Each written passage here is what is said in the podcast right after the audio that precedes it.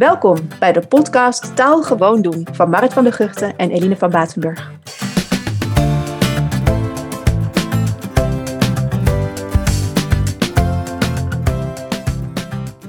In deze podcast gaan we voor jullie op zoek naar frisse en wetenschappelijk onderbouwde lesideeën voor moderne vreemde talen in het voortgezet onderwijs. Beide hebben we een achtergrond als docent in het voortgezet onderwijs. Eline als docent Engels en ik als docent Duits.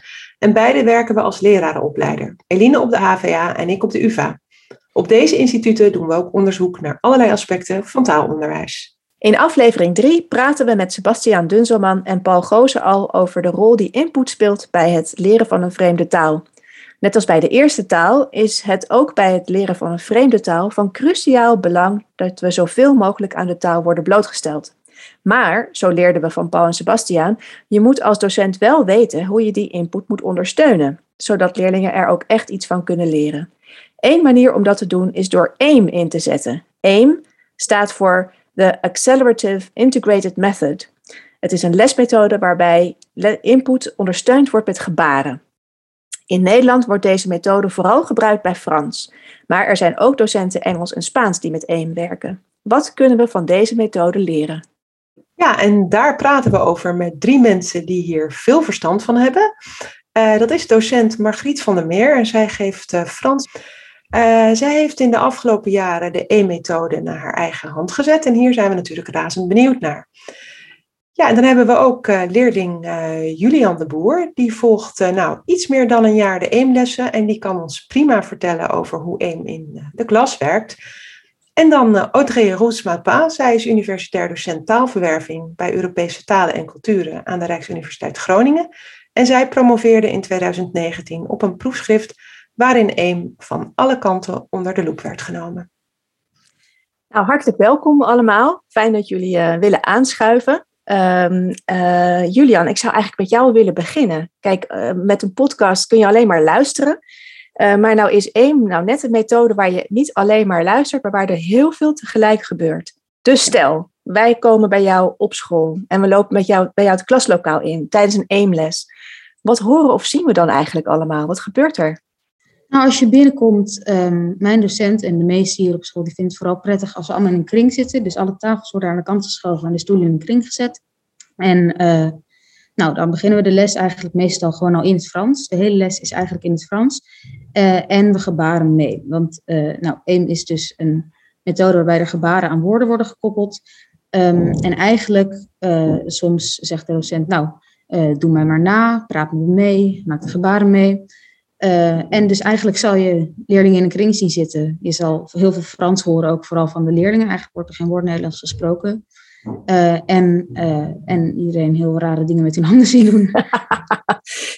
nou, dat lijkt mij wel heel grappig. Dus heel veel gebaren uh, en alleen maar Frans. En je zit pas in de tweede, hè? dus dat vind ik, dat is al wel heel erg veelzeggend dat je dat dan kennelijk allemaal kan.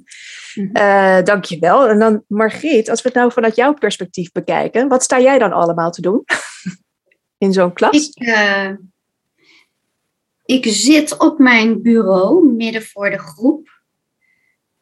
En ik heb, net zoals bij Julian op school, een tijd lang uh, de tafels aan de kant geschoven en de kinderen in rijen achter elkaar gehad. Dus dat is een soort koor voor mij, vier rijen. Ik weet niet, Julian, hoe groot is jouw klas? Ik heb 30 leerlingen. Zo. Nou, dat, dat, doe ik dus niet met 30 kinderen. Daar ben ik een beetje van teruggekomen. Vooral ook omdat ik niet in de luxe positie verkeerde dat ik altijd in hetzelfde lokaal kon blijven. Dus je blijft een beetje aan het verbouwen dan. Maar de kinderen zitten dus op hun stoel voor mij. En ik zit voor hen in het midden op mijn bureau. En ik ga tegen ze aanpraten. Dus ik stel ze vragen, standaard vragen zoals uh, comment tu t'appelles, où est-ce que tu habites, uh, qu'est-ce que tu vois, qu'est-ce que c'est. En na een poosje, ik weet niet precies hoe lang, ga ik uh, dingen om mij heen die ik op mijn tafel heb liggen pakken. En dan zorg ik dat zij zeggen wat ik wil dat ze zeggen door te gebaren. Ja. Dus dan, dan zijn we als het ware met een koor bezig, allemaal tegelijk te praten. Dat klinkt, Julian, herken je dat? Dat gebeurt bij jou ook zo? Jazeker. Oké. Dus er wordt veel. oh, En je, en je hebt dus niet alleen de gebaren, maar ook voorwerpen bij de hand, begrijp ik hieruit. Eh, ja, want jullie hadden het nogal eh draconisch over dat ik aim naar mijn hand had gezet. Maar het fijne ervan is dat je kunt praten over de dingen die om jou heen zijn. Die dus meteen iets toepasbaars voor de kinderen. Hè? Ja, Eh, woorden als pen en potlood en een kopje, die zitten niet meteen bij de eerste lessen van AIM, helemaal niet. En toch vind ik dat heel nuttig dat ze die meteen aanleren, zodat ze het gevoel hebben, ik kan in mijn dagelijkse leven dat Frans gebruiken. Ja, en ook als klassentaal. Ja, Ja. en ook thuis. Ik krijg ook wel ouders die zeggen, nou, ze zitten de hele tijd als ze in de keuken staat te zeggen, ik pak nu een vork en ik eet met een lepel.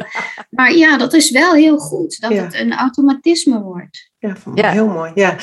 Eh, ja, dan even door naar eh, Audrey. Eh, als jij dit nu zo allemaal beluistert, eh Audrey, welke elementen hiervan vind jij nou kenmerkend voor AIM?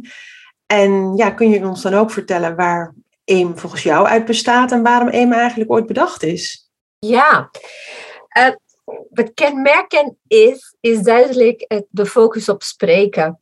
Eh, met AIM ga je eh, veel luisteren en spreken vanaf de eerste les in het Frans. En dat doe je omdat je bent ondersteund door de gebaren.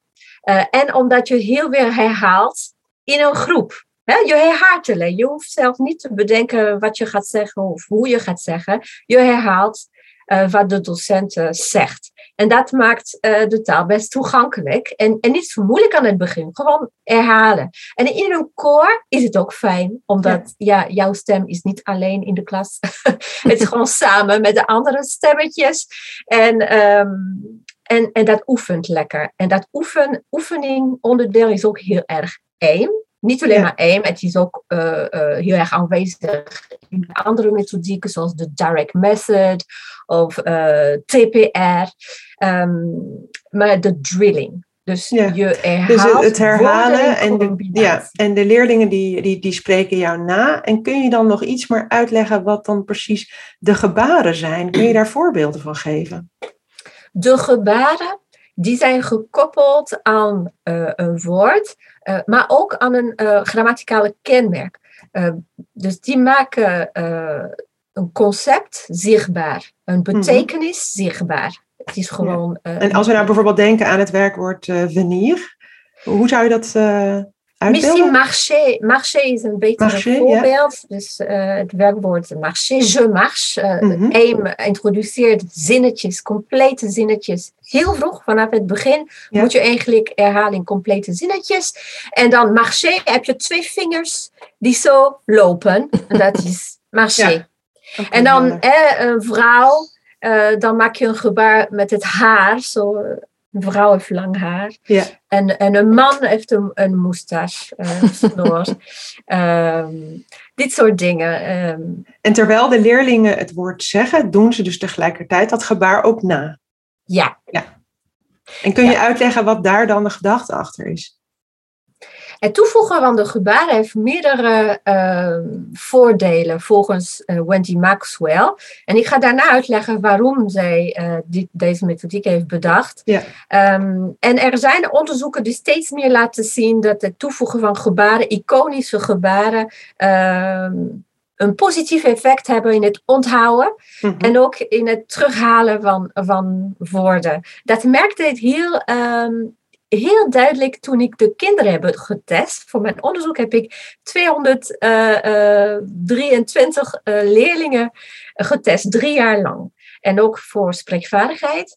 En je zag dat toen ze aan het praten met mij waren, af en toe misten ze een woord, waren aan het, aan het nadenken en ze deden het gebaar en toen kwam het. En dus Of- ja. Ja, dus dat heeft deze voordeel, dat, dat jij ehm, beter onthouden of de link tussen de betekenis van iets en zijn eh, eh, uitspraak, hoe je dat zegt, Ja. is sterker. ja, en dat wordt Al- misschien dus ook opgeroepen door dat gebaar.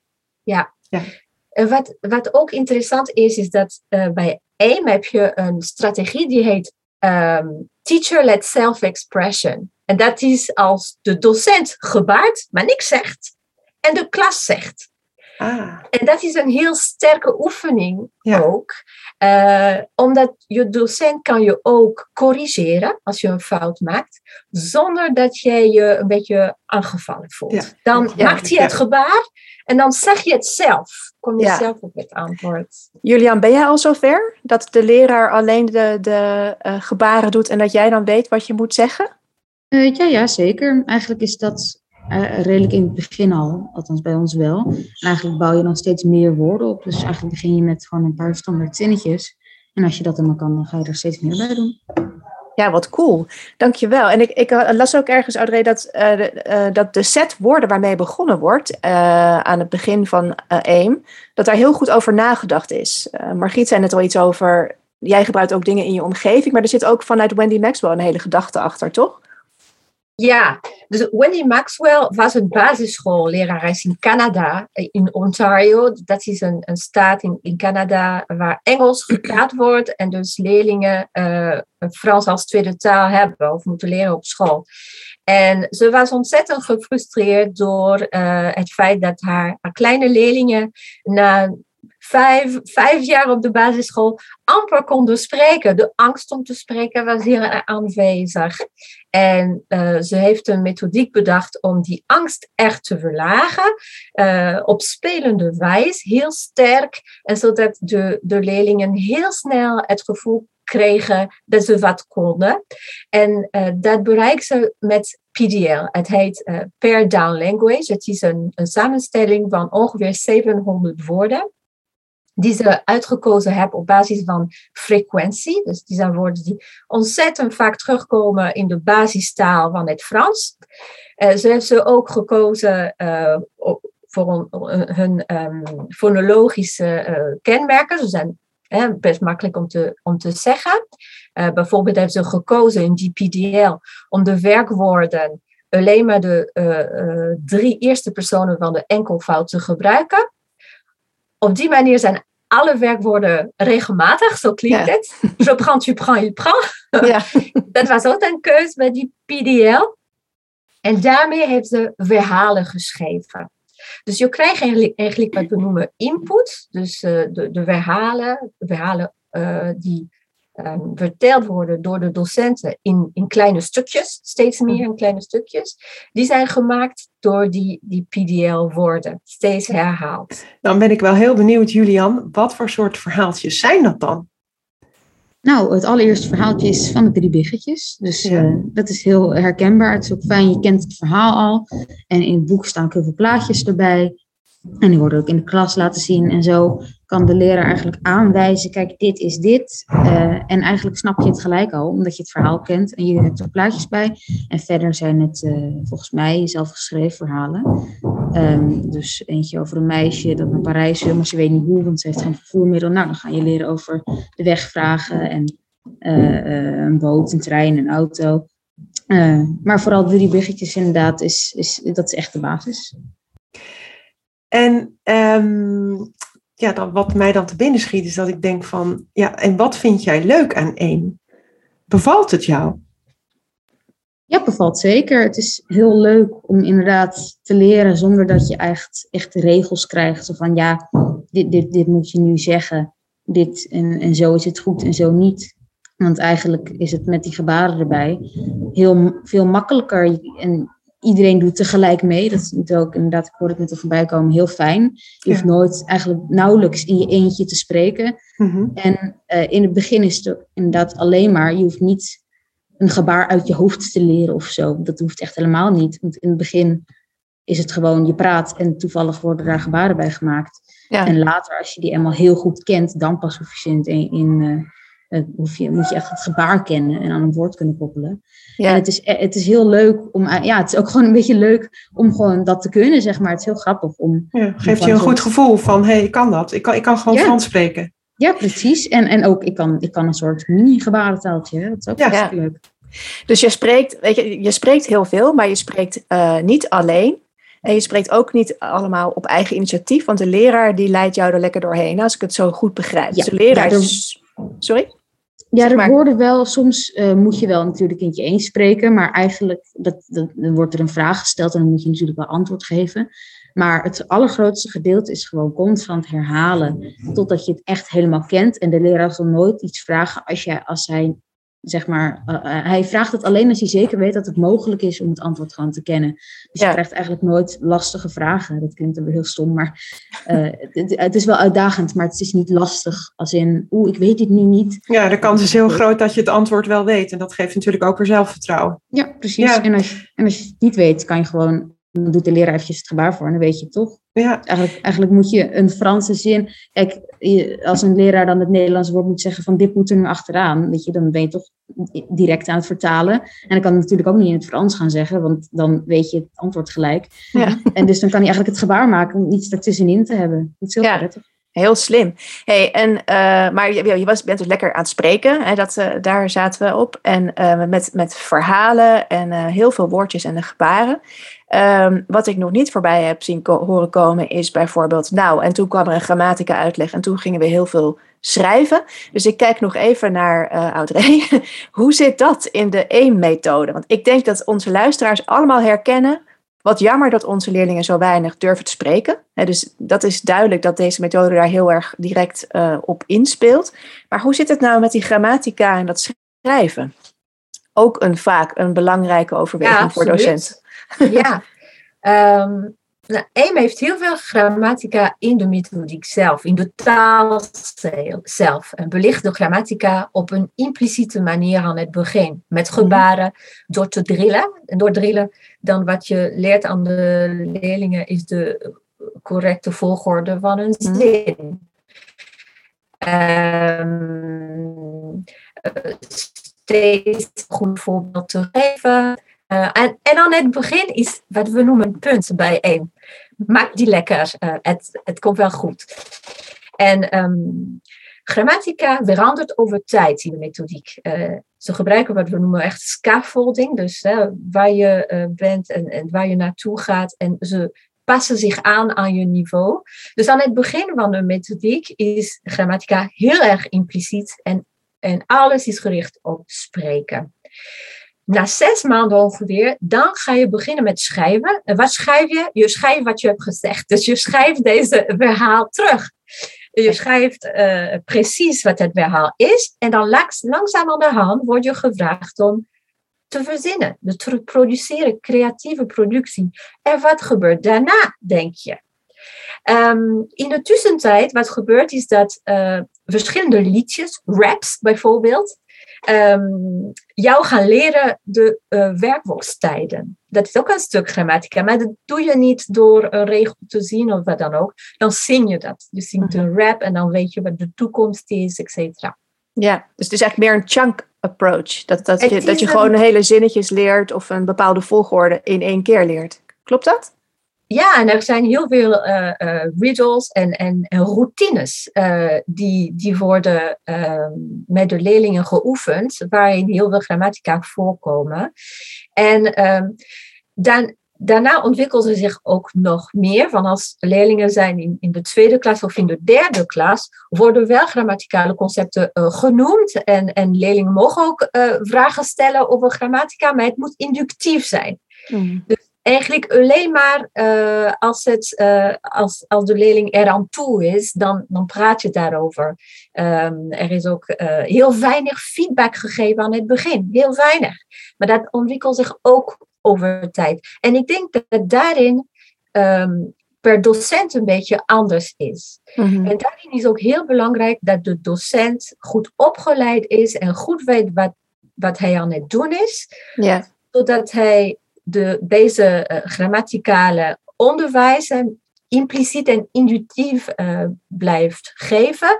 En alleen maar als hij denkt, ja, nu is het nodig dat de hele klas aandacht krijgt over dit, dat hij dat lekker doet, maar à la aim. Dus begin met een voorbeeld, heel veel input, een spillende wijs uh, herhaling. Ja, ik ben wel benieuwd wat Margriet daarvan vindt, hoe, hoe zij er naar kijkt hoe, en hoe ze dat in de klas aanpakt. Want ik kan me ook voorstellen dat leerlingen bij de andere talen natuurlijk iets heel anders gewend zijn, namelijk heel veel taalregels. Um, leerlingen vragen daar misschien ook wel om. Hoe ga je daarmee om? Um, uh, ik vind dat leerlingen weinig daarnaar vragen. Mhm. Maar als ik een concreet voorbeeld kan geven, is het bijvoorbeeld het bezittelijk voornaamwoord. Ja. Vroeger, met klassieke methodes, zie je dan, kijk maar op bladzij zoveel achter in je boek, daar staat een schemaatje met de bezittelijke voornaamwoorden. Ja. Eh, voor vrouwelijke woorden in het enkelvoud gebruik je ma en ta en sa. En voor mannelijke woorden gebruik je mon en ton en son. En voor het meervoud me, te, se. Ja. En wat je dan kreeg was, ra- leer die rijtjes maar uit je hoofd. En dan kreeg je in je werkboek daar een opdrachtje voor. Vul het goede bezittelijke voornaamwoord in. Wat op zich al heel problematisch was, want de kinderen begrepen dan soms zo'n zin niet. En dachten, wat moet ik nou invullen? Bovendien is het stom vervelend. En dan nog twee opdrachtjes en dan was het klaar. Het was geïsoleerd als grammatica onderdeel bezittelijk voornaamwoord in hoofdstuk 3. Ja. Maar nu is dat helemaal geen issue. Er zijn geen issues. Dat is het fijne van één. Dus ik eh, heb het over mijn pen mm, op een gegeven moment. Maar daarvoor heb ik het ook over gehad over een stylo en le stylo. En dan krijg je op een gegeven moment mon stylo. Ja. C'est mon stylo. Ja. En ik heb het gehad over la chaise en une chaise en ma chaise.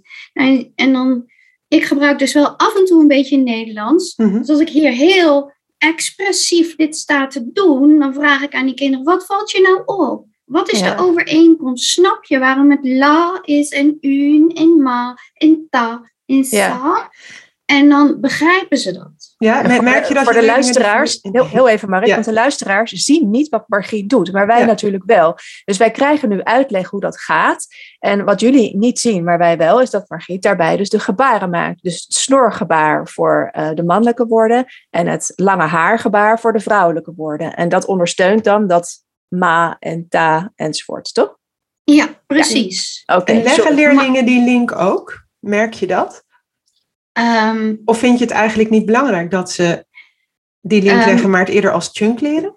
Zeker niet in het begin. Ja, Mhm. Na een poosje, zeg maar, dan vraag ik eens terug van... hé, hey, waarom zeg ik eigenlijk mon stilo en niet eh ma stilo? Ja. Eh, en, ik, en ik vraag ook, waarom zeg je het huis en niet de huis? Dus uiteindelijk zeggen zij het goed omdat ze nooit anders hebben gehoord. Mhm. Dat is ook het krachtige van de methode. Zij leren praten net als een kind, Ja. een Ja. baby, een peuter. Ja. Die krijgt goede input en dus gaat hij het goed zeggen. Ja. En Ja, mij ik- opvalt... Sorry, maar, Eline, ga. Ja, daar wil ik wel even op in, want daar zat ik ook aan te denken, die gebaren. En, maar jij zei net ook aan het begin van het gesprek kwam, Margriet, dat jij ook de voorwerpen die in je klas aanwezig zijn ook gebruiken. En dat is natuurlijk ook wat er gebeurt met je kleine dreumes als je daar aan tafel zit met een lepel en een kopje en een hapje en een slokje. Dat Ja. het eigenlijk een heel directe koppeling is tussen de taal en het, en het voorwerp in dit geval. En dat Ja. je daar eigenlijk gebruik van maakt. Precies. En, met, en, ook niet alleen over voorwerpen, maar ook over mensen. Dus eh, Ja. al die kinderen kennen elkaar. Dus ik kan vragen, waar is die en die? En dan zeggen zij, die zit daar en daar. Ja, Waarmee je meteen een hoop vocabulaire aanleert, heel vaak. Hè? Want je Ja. elke dag moet zeggen, Margriet zit daar.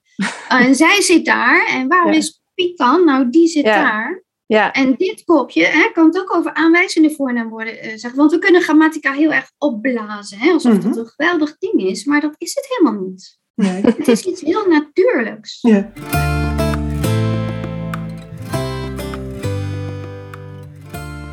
En waar ik dan ook nog wel benieuwd naar ben, eh Margriet, is eh, het schrift. Wat je normaal ziet, is dat eigenlijk eh, als je een nieuw woord leert, dan wordt het als eerste op het bord geschreven en dan wordt het uitgesproken. Hè?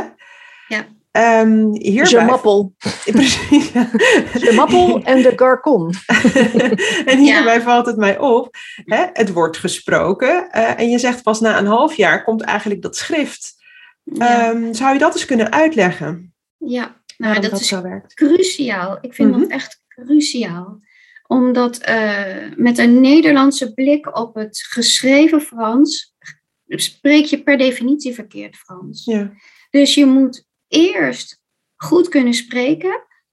Eh, die verhalen, dat zijn overigens toneelstukken. Hè? Het zijn allemaal dialogen, daar praten mensen. Ja. Mhm. Ehm, en als je die dan één keer uit je hoofd kent, ze zijn zo klein dat je die in een half jaar makkelijk, in een paar weken ken je die uit je hoofd. In ieder geval een gedeelte ken je uit je hoofd. Mhm. Dan kun je vervolgens, als je hen de tekst geeft, dan zeg ik, nou, ga bladzij 1 maar eens voorlezen met z'n allen. Dan komt bladzij 1 er foutloos uit. Sommige kinderen lezen het waarschijnlijk niet, maar zeggen gewoon op wat ze moeten zeggen. Ja. Maar als je zegt, focus nou eens goed ook, ook op wat je ziet, zie je, daar staat het dus, wat jij steeds zegt. Mhm. En ze blijven dat goed zeggen, omdat het er zo ingeramd is dat dat niet opeens meer fout gaat. Als je het hebt over een garçon, een garçon, een garçon, en je ziet dan na weken pas garçon staan, dan ga je niet alsnog zeggen garcon. Dat Nee. gebeurt gewoon niet. Maar daarom is het dus heel wezenlijk om lang te wachten, en dat moet de docent zelf inschatten, zo lang te wachten dat het niet meer onderuit geschoffeld kan worden, die mooie uitspraak, door Ja. een beeld wat er Door- in de ogen niet bij past. Ja, precies. Ja. Ja. Als je bijvoorbeeld keskes eh, schrijft, eh, Ja. leer dat eerst maar eens uitspreken voordat Ja. je het schrijft. Ja, Ja. ja. ja. Julian zit enorm te knikken, die herkent dit kennelijk. Wil je er wat over zeggen, Julian? Jazeker, het is een beetje, wil je focussen op spraak of wil je focussen op schrift? Het is, ja, en ik denk persoonlijk ook dat, dat spraak veel handiger is. Weet je, als je in Frankrijk rondloopt en alles op een papiertje moet gaan schrijven, wat je wil zeggen, heb je ook vrij weinig aan. En inderdaad, er zijn natuurlijk Niks, nog- je hebt er niks aan. Nee, helemaal niks, precies. Dus, en eh, natuurlijk zijn er uitzonderingen van mensen die het toch nog lastig vinden om iets uit te spreken. Maar precies, en pas na een tijdje, als je het dan ziet, dan, dan, dan denk je, oh, nou, zo wordt het geschreven, is even wennen. Maar je moet meer wennen aan, oh, wat schrijf je dat gek, dan, dat spreek je gek uit. Dan, dan- ja.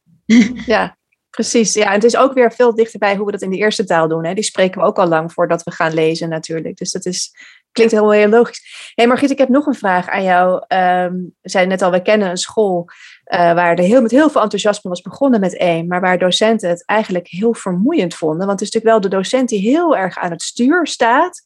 Mijn partner, ook docent Frans, noemt dit ook wel eens grappend de klotsende okselmethode.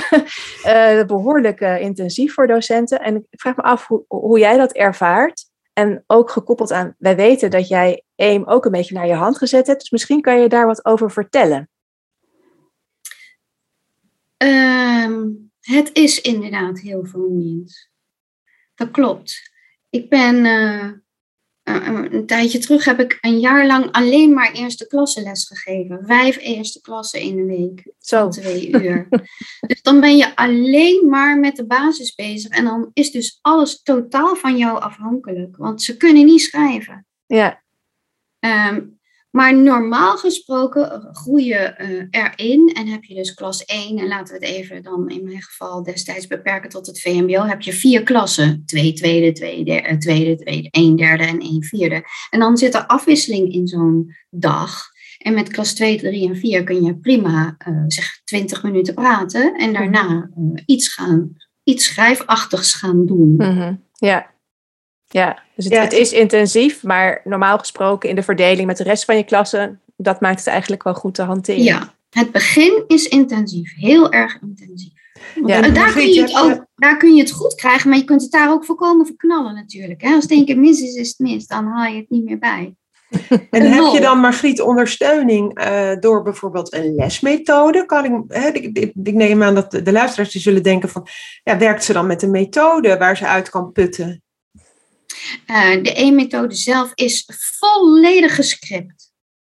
Dus toen ik begon, heb ik me daar keurig aan gehouden. Ja, Ze adviseren dan aan de docent om een muziekstandaard voor je neus te zetten en daar je hele, wat je nodig hebt aan, aan bladzijden, dat zijn een stuk of vijf A4'tjes denk ik per, per les, waarin staat nou dit ga je eerst herhalen, dat is het nieuwe vocabulaire, dat moet je intrainen, vervolgens ga je nog iets anders trainen. Hè. Het is ook de, de gedachte niet langer dan 10 minuten hetzelfde doen.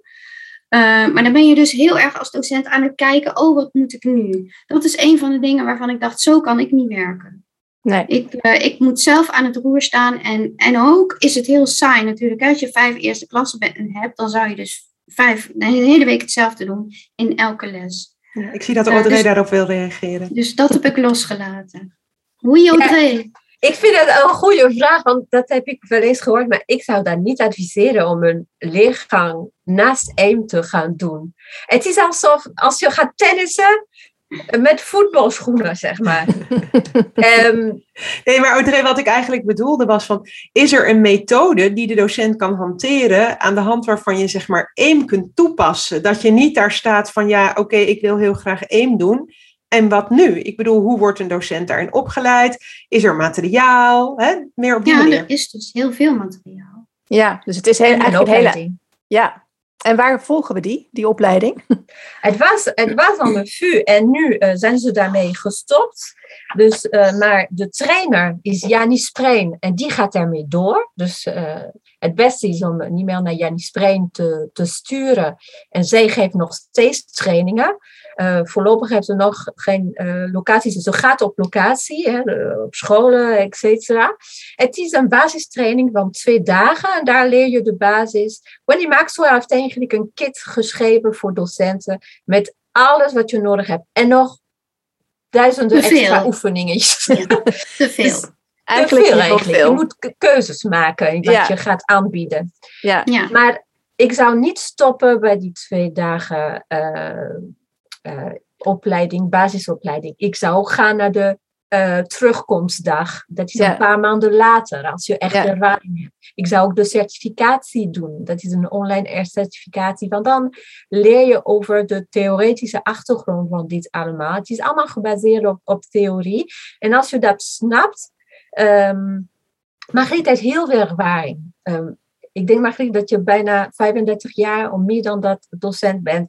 Ehm, ja, haar ervaring is zo groot dat, dat zij eh, goede beslissingen maakt als, eh, als zij eh één eh, geeft. Mhm. Ehm, als beginnende docent wil je misschien meer eh, theorie weten, eh, zodat jij de goede beslissingen neemt en niet eh, gaat leunen aan hoe je zelf les hebt gehad. Mhm. Ja. Ja, dus het is belangrijk dat je niet alleen weet hoe je het moet doen, maar ook waarom het zo werkt. Margriet, wat wil je zeggen? Nou ja, de vraag van Marit was, is er een methode? Maar één is dezelfde methode. Hè? Ja, Kijk, Julian zegt, ik ben met de drie kleine biggetjes begonnen. Ik ook. Iedereen die aimt, die begint per definitie daarmee. Want dat is de starters kit.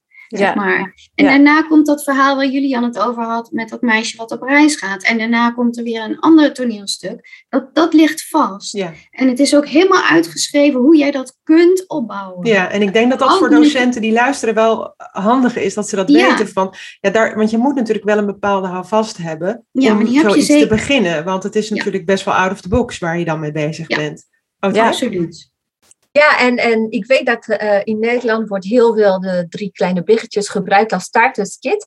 Eh maar de afgelopen twee, drie jaar heeft eh, Wendy speciaal voor de Nederlandse markt, omdat wij hier in Nederland één gebruiken voor de middelbare school en niet de basisschool, zoals in de andere landen wordt gebruikt.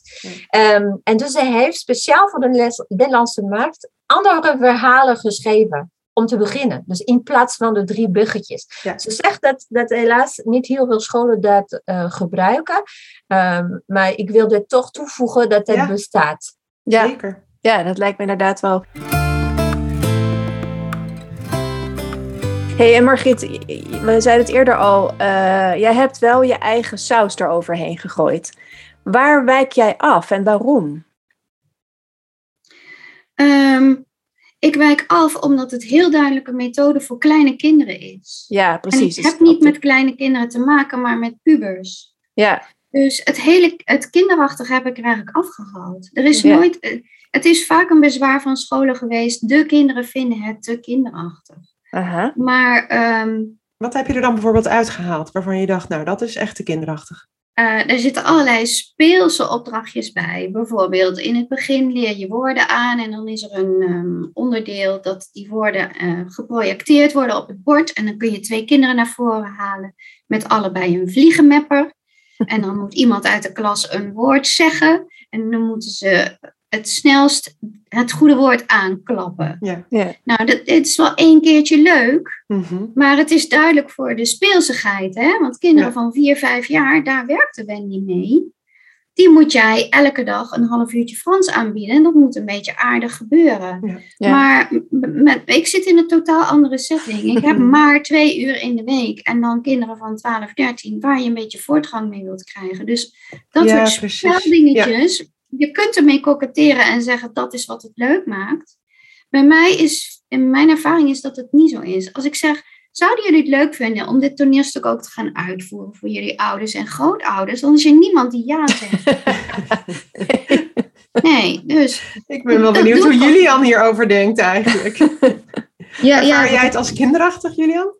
Nou, eh, eh, eh, sommige dingen merk je wel dat ze voor kleinere kinderen bedoeld zijn. Want inderdaad, het is het idee inderdaad, althans bij ons op school wel, dat je dat toneelstuk ook echt uit gaat voeren inderdaad. Nou, bij ons ging dat door corona niet door, waren heel veel kinderen blij mee. Ik zelf ook hoor. dus, eh, dus, dus, maar ja, het is wel, eh, ja, je merkt het wel, maar ik vind het persoonlijk niet heel erg. Nee. Nee, oké. Ehm Audrey, jij wilde ook nog hier aan toevoegen, toch? Ja, want je moet inderdaad als docent eh, eh, kijken wie je voor je hebt. Eh, daar heeft Margriet volkomen gelijk in. Maar ehm, en sommige, met sommige klassen werken de beloningen. Bijvoorbeeld, beloning is een groot onderdeel van de methodiek Mhm. ook. Om de positieve koppeling met de taal eigenlijk te, te hebben en het spreken van Frans, beloon je je studenten, je leerlingen. En sommige docenten doen het zoals één dat zegt, met kaartjes, et cetera. Mhm. En andere docenten doen het heel anders. Eh, nou, met chocola of, of Ja. echt door te zeggen, goed gedaan vandaag. Alleen maar Ja. dat. Ja, Toch wat goed van jou. Ik heb je gezien. ja. Eh, Of ja, très très bien, het gebaar. Ja, er worden hier Ja. drukgebaren gemaakt. Ja. Sommige- Duimen omhoog. Maar Audrey, dus eigenlijk, weet je, het gaat om het principe is het complimenteren en positief bevestigen. En hoe je dat dan doet, hangt af van wie je voor je hebt. En eh, eh, als we nou, eh, Margriet die, die maakt hierin eigen keuzes. Eh, nou, misschien moeten onze luisteraars eerst starten en kunnen dan pas eigen keuzes maken hoor. Dus eh, maar even een volgorde, stel dat je daarnaar kijkt. Wat zijn nou principes van AIM die je als docent niet moet loslaten als je je eigen versie daarvan gaat doen? Wat zijn nou belangrijke kernwaarden of thema's? Kan je daar iets over vertellen? Oh, je vraagt je het? Eh, Oh, sorry, aan Audrey. Sorry, ik dacht van Margriet. Ehm, ja, zeker. Ehm, Oké, wat ik eh, niet zou loslaten zijn ehm, de gebaren en het verhaal die daarmee gaat. Ehm, ik zou ook niet loslaten eh, om te beginnen met spreken en echt lang te wachten voor het schrijven. Ehm, ik zou eh, niet loslaten de hele benadering met de werkwoorden, eh, met de woordenschat in combinatie. Wat zou ik nog niet los willen laten? Ja, de, de impliciete grammatica aan het begin. Ga maar niet klassikaal grammaticaal lesgeven. Mhm. Uh, in mijn onderzoek heb ik echt kunnen laten zien dat het eigenlijk uh, uh, beter werkt voor je algemene spreekvaardigheid en je algemene schrijfvaardigheid na drie jaar. Uh, zelfs zonder klassikale grammatica lessen. Ja, daar wil ik graag meer over horen. Hoe, wat, wat heb je daarin nou precies ontdekt in je onderzoek? Dat is natuurlijk buitengewoon boeiend. Een methode ja. die helemaal gericht is op spreken en impliciete grammatica. En vervolgens worden ze beter in alles, had ik zo begrepen. In vergelijking met het boek Carte Orange. Leerlingen die gewoon volgens de, reguliere boeken, methode. het was uh, een, een leergang. En het maakt niet uit wat het is. Nee. Het was nee. Grand Ligne. Maar, oh, sorry. Uh, er was ook uh, D'accord. was, was ook een groepje met, met D'accord in mijn vorige onderzoek als pilot. Um, het is een benadering. Wat ja. ik vergeleken heb, ja. is, is de, de één benadering. En die is echt gebruikwijs benadering. Je leert een taal door het heel veel te horen en te herhalen, te gebruiken. Is dat de en, dynamic usage-based approach? Dat waar je het dan dynamic usage-based, ja. absoluut. En de andere benadering is hoewel, hoewel ze, deze methodieken, de, deze leergangen heel graag uh, uh, communicatief willen zijn, de basis is toch altijd structuur. Structuur in de vorm van grammaticale regels en, en woordenschatlijsten en oefeningen die, gericht, die niet geïntegreerd zijn, die alleen maar luisteren oefenen, alleen maar schrijven oefenen, alleen maar grammatica oefenen. Dus dat, dat is gewoon heel verschillend qua, qua aanpak en hoe je de taal gaat leren als leerling. En wat ik gevonden heb, alleen maar spreekt en geen uh, grammatica leert, uh, na één jaar, twee jaar, drie jaar, ben je toch beter in schrijven en eh, spreken. Vooral spreken, omdat dat is wat je het meeste verschil tussen die twee benaderingen is. Dat één groep spreekt veel meer dan de andere.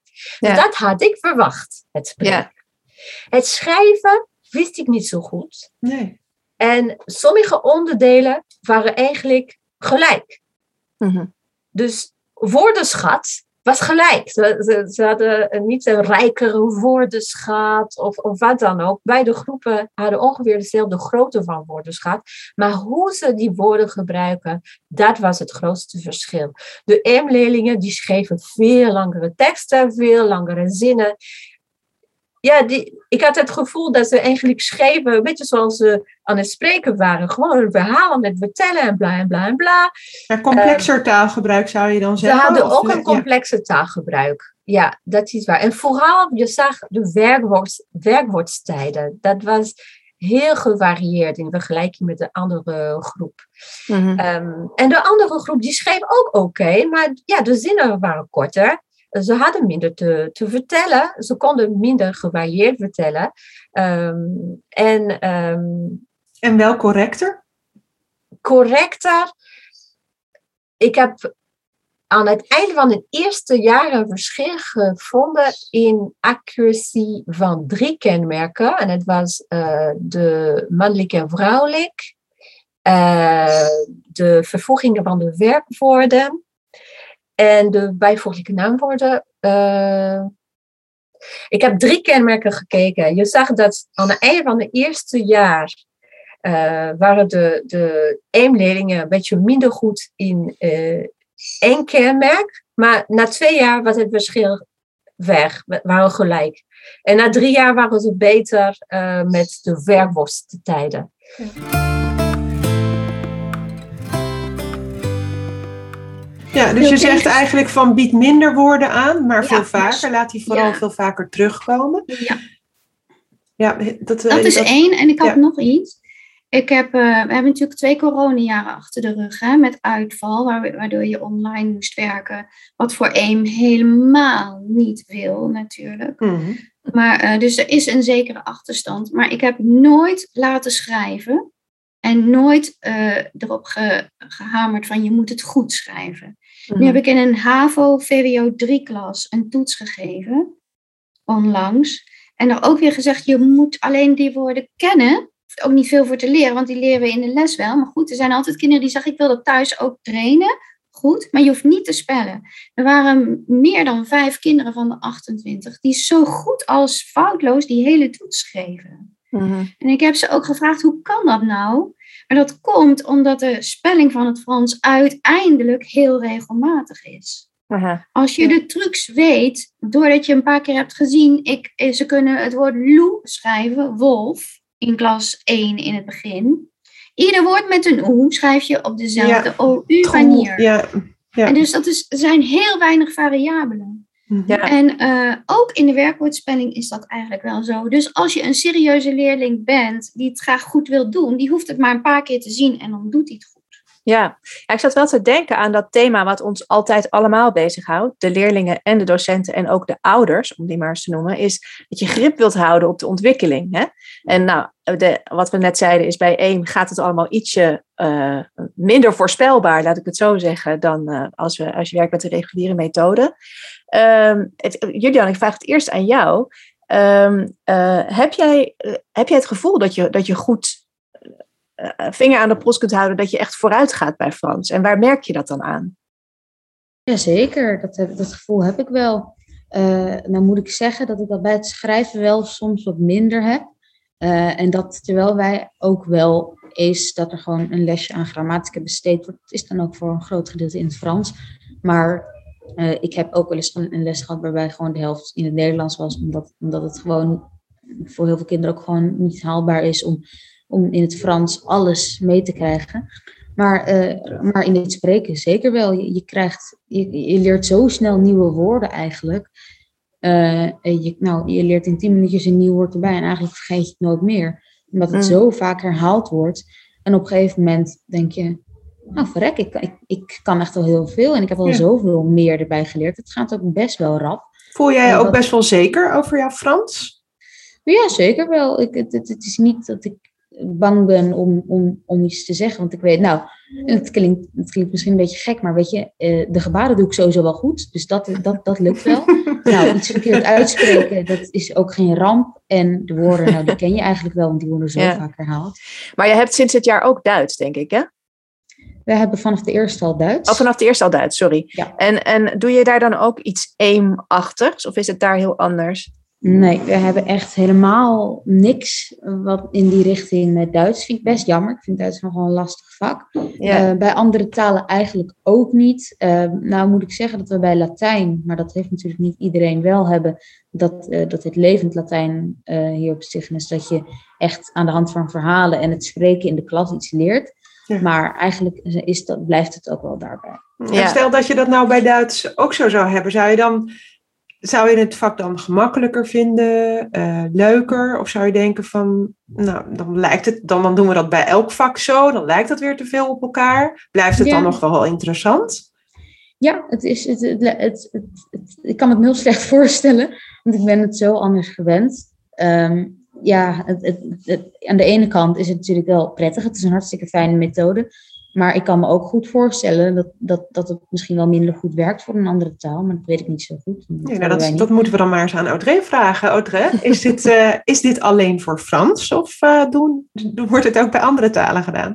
Het bestaat voor eh, Spaans, Engels, eh, Frans, Mandarin Chine- Chinees en Japans. En in de wereld, eh, vooral in Australië, worden eh, scholen, ehm, er- er bestaan scholen die aim hebben tegelijkertijd voor bijvoorbeeld Frans en Mandarin Chinees. Dus leerlingen hebben Frans met aim en ook Chinees met aim. Eh, in dezelfde school. Het is in Europa nog niet zo. En ik weet dat eh, eh, er is een school in Berlijn dat eh, bezig is met Duits eh à la aim. Dus dat is wel fijn. En de ervaring is eh, in Australië dat het ook goed werkt. Eh, je hebt ook de drie kleine biggetjes in Chinees en in Frans, maar blijkbaar, kijk, het verhaal ken je. Dan kan je je richten op, op, op, op, eh, op, op, Op woordenschat en, ja. woordenschat. Ja, Ik, zou, ik heb niet onderzocht. Ik zou het wel heel graag Ja, willen zeker. doen. Ja, of dat heel boeiend. iemand dat, dat doet. Maar Ja. het- ik kan alleen maar spreken over de ervaring van de docent Ja. daar. ja. Julian, die wilde nog wat zeggen? Ja, ja, het is eigenlijk meer een vraag. Zijn dat dan, is het dan ook echt precies hetzelfde verhaal met precies dezelfde gebaren? Want ik kan me voorstellen dat het ook lastig is dat je dan een gebaar hebt dat je twee verschillende talen moet kennen. En ik vraag me af of het dan nog wel echt dezelfde werking heeft, zeg maar. Hele goede vraag. Ja, hele goede vraag. En eh, sommige gebaren zijn heel kenmerkend van het Frans, vooral hè, de grammaticale gebaren met de mannelijk en vrouwelijk, et cetera. Dat heb je eh, niet in het, eh, in het Engels, et cetera. Dus het, het verschil werkt per taal, maar marché, eh, de concepten, dat, dat vind je wel terug. Ja. Maar het, het is ook goed nagedacht, want dit is allemaal nagedacht. Hoe, hoe gaan we. van, Wendy Maxwell heeft erover nagedacht. Ze heeft onderzoek gedaan, ehm een scriptie geschreven met Jim Cummins. Eh, Jim Cummins is een heel grote naam in, het, in de wereld van eh, taalverwerving. En dus eh, dit is helemaal nagedacht hoe je op een natuurlijke manier een, een tweede taal kan aanleren. En, ehm, en ook hoe de gebaren eruit moeten zien. Mhm. En wat de PDL moet zijn. Ja, we gaan een beetje richting het einde van het gesprek en we hebben eigenlijk nog twee belangrijke vragen. Eh, nou, we kunnen er nog wel twintig bedenken, maar ik denk dat dan onze luisteraars gaan afhaken. Eén gaat over, we hebben natuurlijk nu hier eh, eh, Julian bij ons zitten, is leerling van het Cygnus Gymnasium. Eh, dat zal allemaal wel, ook als we in hem geen kwartje gooien, komt er nog wel ergens een gulden uitrollen. Ehm, maar wat wij ons afvroegen is, eh, eh, hoe zit het eigenlijk met AIM en de AIM-aanpak in het VMBO? Ik weet niet of ik naar Margriet moet kijken of naar Audrey daar iets over kan vertellen. Werkt het daar ook? Werkt het daar beter? Sluit het Ik goed heb- aan? Ik heb eh, een jaar of zeven in het VMBO eh, met heel veel plezier eh, kinderen opgeleid naar het eindexamen. En ja, dat werkt fantastisch. Maar ja, ik zou haast willen zeggen, iedere ouder kan zijn kind aan het praten krijgen. Ja. Dus het heeft eigenlijk niks met intellect te maken. Maar hooguit met liefde om iets te willen leren. Hè? Mhm. Daar zou je een verschil kunnen maken. En bij ons in Groningen zijn sowieso heel veel mensen die zeggen, nou, eh, waarom moet ik dat kennen? maar eh, ehm, als, je het, als je daar de liefde voor kunt aankweken, heeft natuurlijk alles met je passie te maken. En die heb ik en uiteraard voor die taal. Dan gaat het met iedere niveau eh, even goed. Ja. Zaten ze ook in jouw onderzoek, Audrey? De VMBO-leerlingen? Ik had inderdaad een school, met, dat was tijdens de eh, pilotfase en dan het begin van het onderzoek. Maar die school heb ik niet kunnen meenemen daarna, omdat zij, eh, ik had geen complete dataset set voor ze. Maar ik had een school die alle drie niveaus in één klas had. eh, ah ja, ah. ja. En eh, ja, inderdaad, iedereen leerde. Wel op een, een andere eh, tempo, dat zag je wel. Maar VMBO-leerlingen kun- kunnen absoluut goed eh, Frans leren met, met eh AIM. En eigenlijk vind ik het voor hen best dringend dat het begint. Want wat Ja. ik zie is dat scholen steeds meer eh, Frans afschaffen van het pakket. ja. Ehm, voor verschillende redenen. Maar dat is, dat is zo jammer. ja. Want zij hebben het wel nodig. Het is, het, is, het is echt fout om te denken dat VMBO-leerlingen, die misschien later MBO-leerlingen eh, worden, geen vreemde taal later nodig zullen hebben. Eh, Nee. Dat is gewoon niet waar.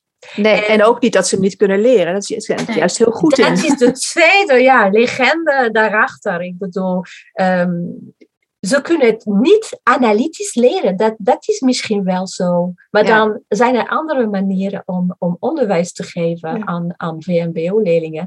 Dat Ja. echt werkt. Ja, Ja. zoals AIM dus. Ja, Ja. AIM is een volledige lesmethode voor de onderbouw. En ja, eh, dat is voor veel docenten misschien een hele grote stap. Hè?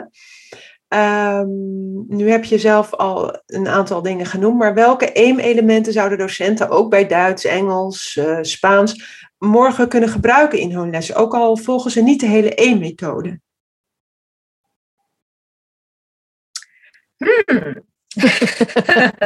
Is dat mogelijk? Nou, richt je op de, ja, richt je op de vaardigheden. Ehm, Als spreken belangrijk voor je is, als eh, schrijven belangrijk voor je algemene eh, taalvaardigheid, ga niet vaardigheden apart behandelen. Integreer meer. Mhm. Vind een leuk stukje film. Eh, in je doeltaal, die je echt leuk vindt. Ga, ga met de leerlingen naar de tekst kijken. Laat de Mhm. leerlingen deze tekst herhalen. Spelen misschien. Ja. Ehm, en laat los de, de vinkjes die je denkt, die, die moeten aangevinkt zijn om het eindexamen te halen. Want, eh, of ga lezen over eh, eh, hoe ontwikkel je algemene vaardigheid. En dan ga je zien dat je kan heel veel dingen loslaten, zolang jij eh, heel veel input aanbiedt en mogelijkheid voor het produceren, taal in gebruik, komt het vast goed. Ja, ja ik had een, een docent. Ja. Ik had een docent Frans, mevrouw Muis. En eh, die eh, nam ons mee naar een concert van Patrick Pruel. En we mochten allemaal een cassettebandje van haar kopiëren. En nou, wij hebben dat met de hele klas grijs gedraaid. En wij hebben daar zoveel woorden van geleerd. En ik ken die liedjes nu nog steeds. en ik hou van Patrick Pruel. Dus dat, eh, ja, dat, was, dat was toen ook al een hele mooie manier van taal leren. Dus dat, nou, dat zou ik iedereen eigenlijk wel toewensen. En en voordat we, we eindigen, wilde ik toch toevoegen dat tegenwoordig in Nederland kan je echt je hele eh, eh, eh, Franse carrière op die manier volgen. Want er is één, in de bovenbouw is, het, is er MI, de Jan maar er, er zijn ook andere aanpakken die supergoed werken.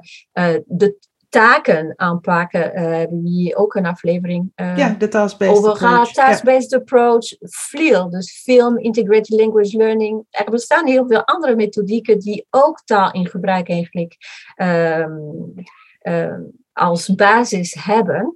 En tegenwoordig aan de Universiteit van Groningen, waar ik werk, hebben we het helemaal doorgetrokken tot aan de leraaropleiding. Dus je kan op deze manier usage-based van de onderbouw tot aan de universiteit hebben. Ja, je noemt 1i en eh, dat is wat, wat was de andere vraag die ik wilde stellen. Oh, Audrey is eventjes eh afgehaakt. Ehm, dat AIM Extended, kan je daar nog heel kort iets over zeggen, Audrey, voordat we afsluiten? Voor Ja, de dus- bovenbouw. dat is eigenlijk om, om, om eh, de bovenbouw, om leerlingen voor te bereiden, eh, of, eh, Frans te blijven leren en ook voor te bereiden aan de eindexamen. Uh, dus wat wij doen is, uh, is dat uh, wij hebben dezelfde principes als AIM. We, we, herhalen de routines ook, maar we hebben veel meer authentieke input. AIM is, is aangepaste input um, aan het niveau van de leerlingen. En in de bovenbouw gebruiken we veel meer echt authentieke input. En leerlingen moeten heel veel van leeswerk, etc. thuis hebben met een huiswerksysteem. En in de klas gaan ze nog steeds heel veel spreken. Het is weer gericht op spreken. Um, ze gaan presentaties geven, carousel van posterpresentaties maken, persconferenties voorbereiden. Heel veel um, lesactiviteiten die eigenlijk een taalvaardigheid um, verbeteren, uh, ja, laat ontwikkelen. En we oefenen ook uh, met CITO examens, dan de leedstoetsen, om de vinger aan de pols te houden, so every now and then. Um, en uh, mijn collega Wim Gombert is uh, degene die heel veel aan MI heeft gewerkt. En hij is nu zijn proefschrift aan het afronden en heeft gekeken naar uh, de effecten van deze aanpak. En wat hij heeft gezien is dat alleen maar door 80% van je aandacht aan spreekvaardigheid te geven, ontwikkelen zich ook de andere vaardigheden met zich mee. En ook leesvaardigheid. En daar ben je op getoetst in de eindexamen. Ja, ik denk dat heel veel uh, docenten hier blij mee zullen zijn. Want uh, een van de, van de uh, vooroordelen over EM is ook... oh, het is alleen maar voor de onderbouw, alleen voor het begin. maar het is dus heel mooi dat er nu ook initiatieven zijn... om dat dan in de bovenbouw voor te zetten. Ik denk dat wij dit gesprek gaan afsluiten. We hebben ontzettend veel ideeën gehoord. nieuwe invalshoeken, ja. heel veel om over na te denken. Marit en ik zullen daar nog eens even goed samen over napraten. Uh, maar voor nu hartstikke bedankt voor, uh, voor jullie verhalen, alle drie.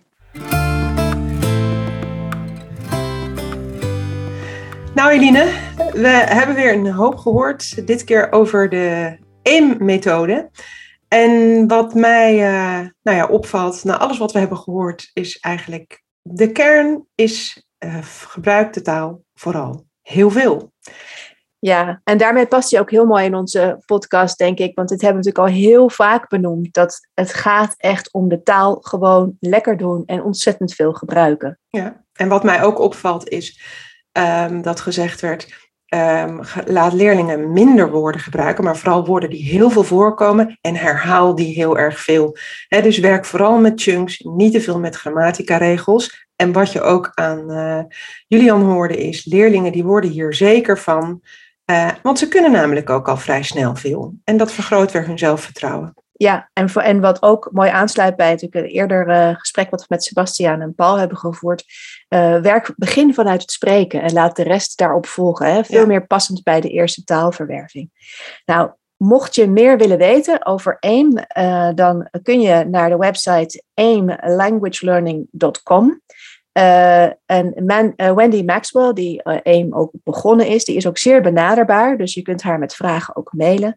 En docenten Frans, die graag een training willen volgen, die kunnen zich wenden tot Jannie Spreen. Uh, we zullen dit, deze informatie ook op onze eigen website zetten. Want ja, wil je alles nog eens rustig nalezen? Ga dan natuurlijk naar www.taalgewoondoen.nl. We zullen daar ook een aantal artikelen van Audrey en wat andere mensen opzetten. En ook haar proefschrift. En ook een stappenplan voor een één les. Nou, en er komt natuurlijk ook weer een volgende aflevering in het uh, nieuwe jaar. En daarin gaan we het hebben over task engagement. Ofwel hoe laat je je leerlingen warm lopen voor het uitvoeren van taaltaken? Ja, heel veel zin in. Fijne dagen allemaal. Fijne dagen. Dag. Dag.